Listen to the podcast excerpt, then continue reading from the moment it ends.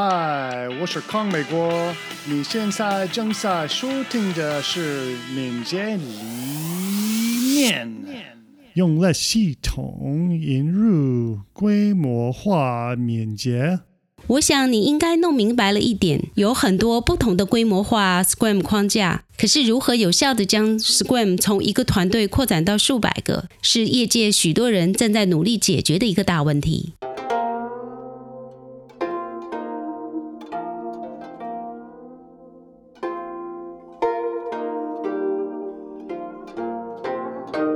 Scrum 是二十世纪八十年代发现的一个轻量级框架。用于响应对更快的构建新产品的加速需求。Scrum 没有一种清晰的方法可以跨越数百名从事一项产品工作的人。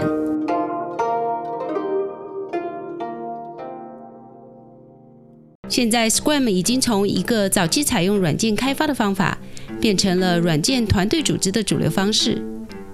大型企业对这个问题很感兴趣。如何有效地与多个团队进行 Scrum 呢？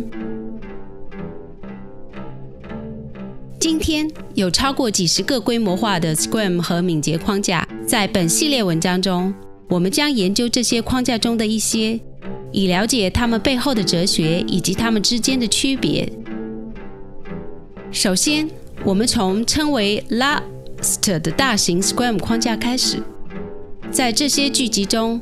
我采访了 Less 的创始人 Bas w a d o 和 Craig Laman。为什么我要从 Less 开始？作为一名作家，我意识到敏捷黑的自然续集将是写另一部关于规模化的商业小说。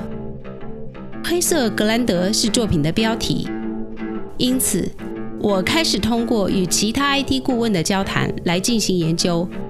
并试图找出他们使用的是什么框架，以及哪些框架让他们感到满意。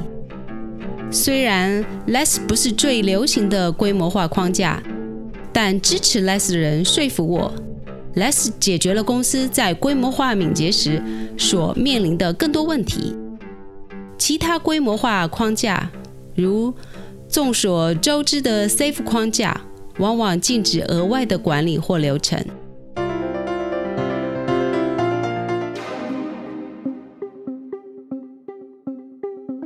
你喜欢读悬疑书吗？